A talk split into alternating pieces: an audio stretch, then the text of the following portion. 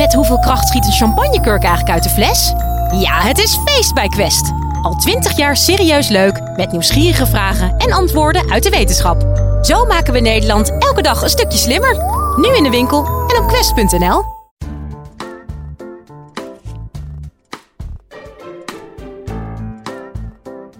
Het zou toch lekker zijn dat je bij een bezoekje aan het casino niet meteen blut bent.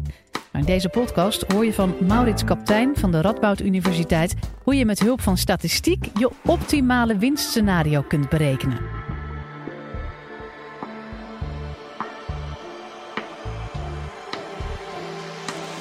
Live vanuit Club Air is dit de Universiteit van Nederland.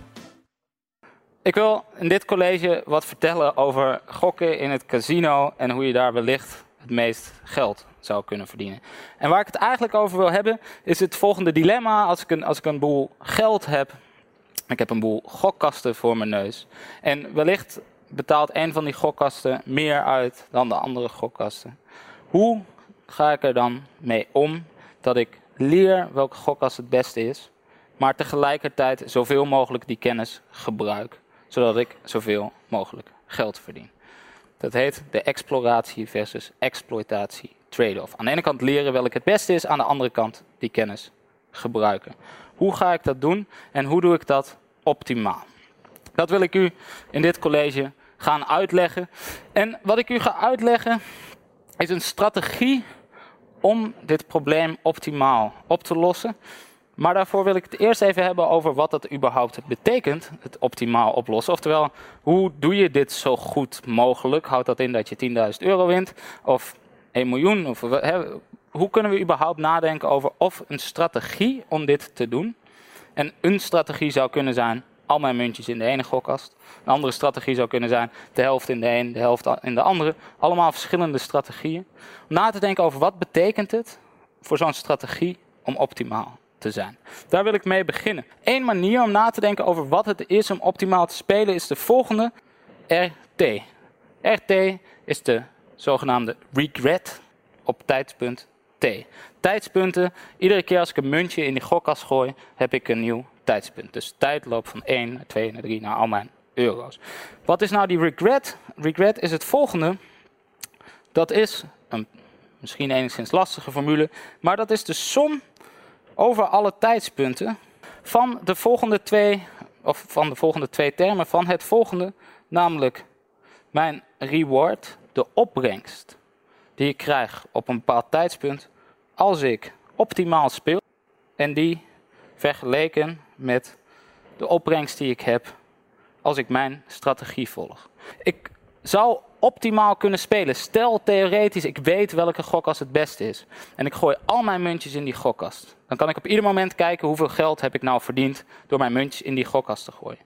Maar op ieder tijdspunt haal ik daarvan af de opbrengst die ik daadwerkelijk heb door mijn gekozen strategie. Mijn gekozen strategie zou bijvoorbeeld random kunnen zijn. Stel ik heb maar twee gokkasten, dan is wat er dus gebeurt, is stel A is de beste, ik gooi mijn eerste muntje in A, dan is mijn regret op dat moment is nul.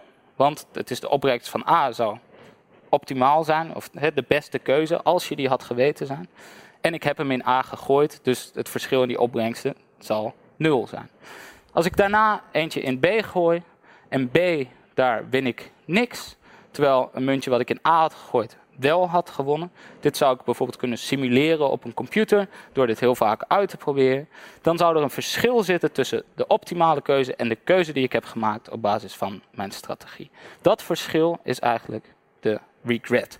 En ik wil je een beetje laten nadenken over wat er met die regret gebeurt naarmate je steeds langer speelt. Want dat idee heb ik nodig om te gaan bedenken wat houdt het in om optimaal te spelen. Nou, stel dat ik alle informatie heb en dus weet welke gokkast de beste is. En die speel ik de hele tijd. Wat gebeurt er dan met mijn regret?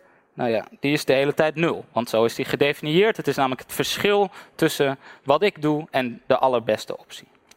Maar als ik niet weet welke het beste is, wat zou ik dan kunnen doen? Een van de dingen die ik zou kunnen doen is zeggen: ik gooi een aantal van mijn muntjes in gokkast A en een aantal van mijn muntjes in gokkast B.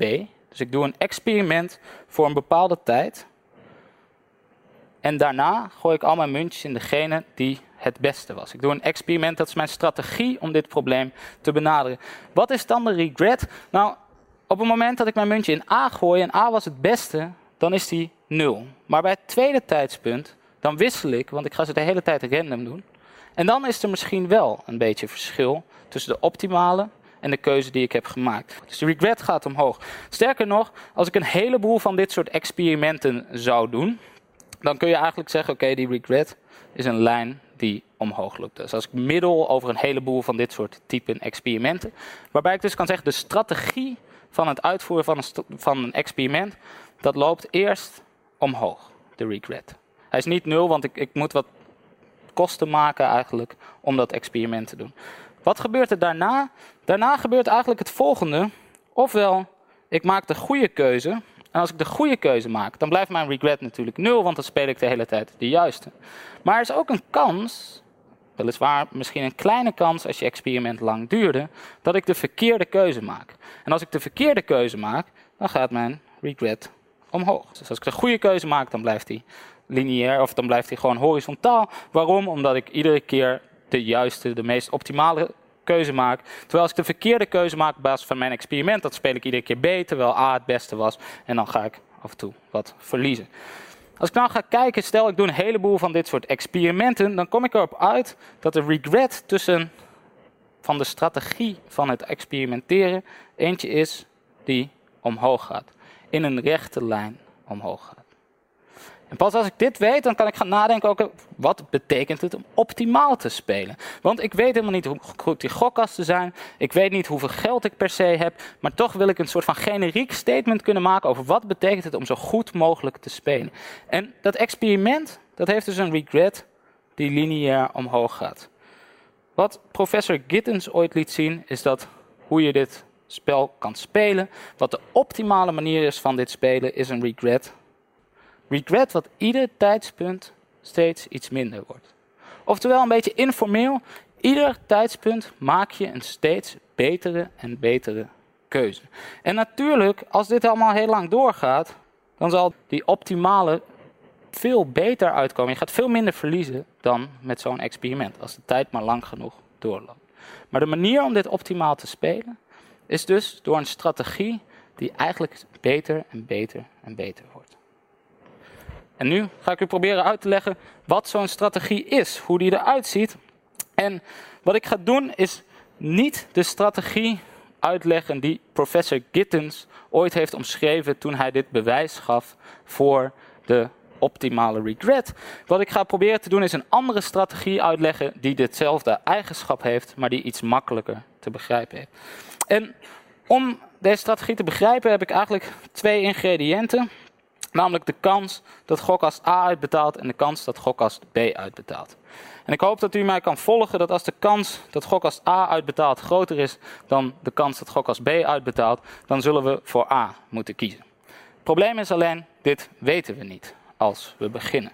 En omdat we dit niet weten, moeten we dit gaan schatten. Een soort van ons idee over hoe goed die gokkast is, gaan vormen op basis van de data die we hebben.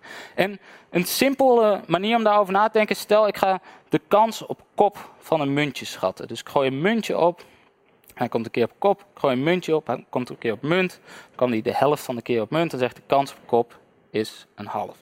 Dus voor dat muntje kan ik het volgende doen. Ik kan zeggen, oké, kansen die lopen tussen 0 en 1. En ik heb een muntje twee keer opgegooid. één keer kop, één keer munt. Dus mijn kans die ik nu schat voor dit muntje dat die op kop komt, die is punt 5.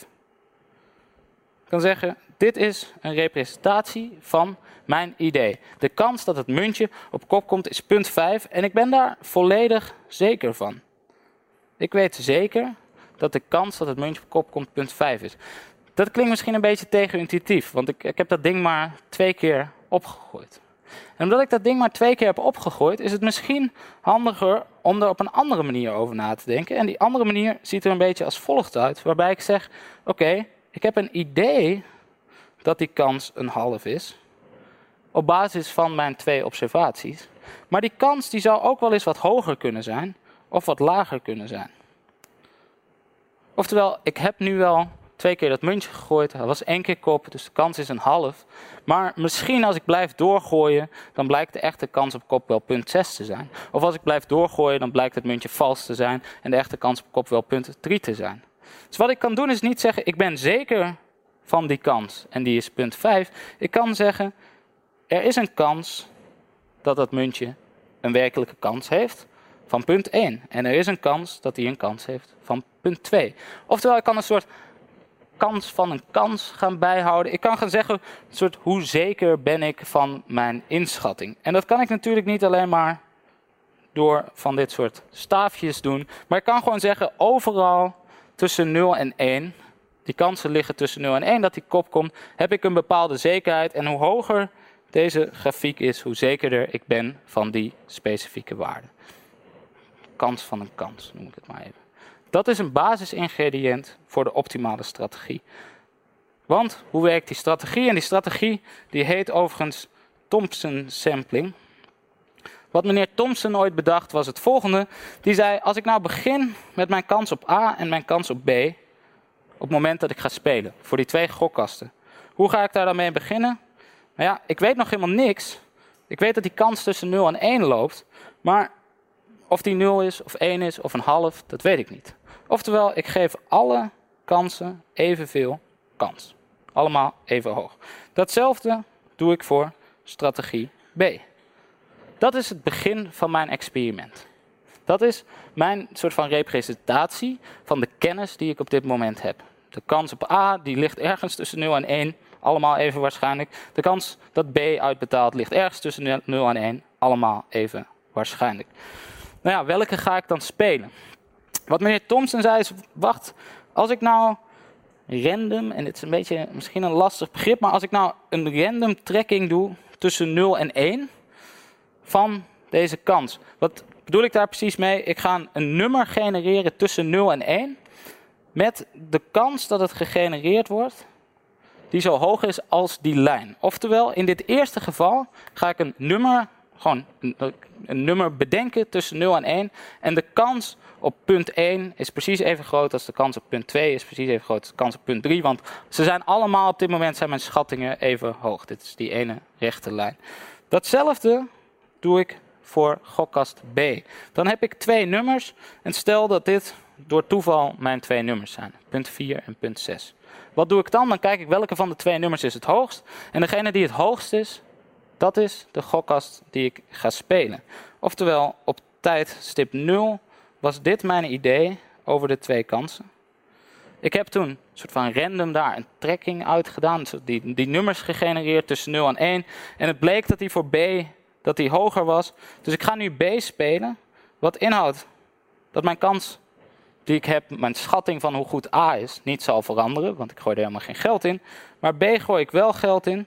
Stel nou dat ik met B wat win. Wat gebeurt er dan? Dan zeg ik, ik ga dit ding een beetje aanpassen. Dat hij iets meer, de kans dat het ding uitbetaalt, is iets meer richting 1. Waarde is richting 1, namelijk dat hij uitbetaalt, die geef ik iets meer kans. Nu ga ik bij tijd 2 precies hetzelfde doen.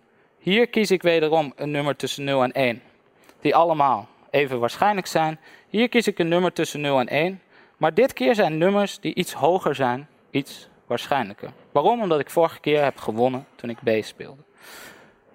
Als nu blijkt dat ik weer toevallig, want het is iedere keer eigenlijk een beetje toevallig, iedere keer gooi ik maar een beetje muntjes op en de kansen veranderen, weer B kies en B betaalt uit, dan is wat er gebeurt. Dus het volgende, hij komt nog iets meer richting de 1. Ik geef de hoge kansen, dus dat B vaak uitbetaalt, steeds meer kans. En zo gaan we de hele tijd door. Iedere keer als ik die twee gokkassen speel, passen deze twee kansverdelingen zich aan. Mijn idee over hoe goed die gokkassen zijn, update ik iedere keer. En proportioneel op mijn idee selecteer ik een van die twee. En dit is een manier om die twee gokkassen te spelen, waarbij je nooit een definitieve keuze maakt, maar iedere keer eigenlijk je kans van je kans aanpast en die gebruikt om een keuze te maken. En je gaat steeds een betere en betere keuze maken.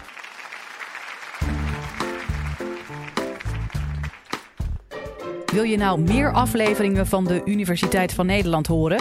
Check de hele playlist en ontdek het antwoord op vele andere vragen.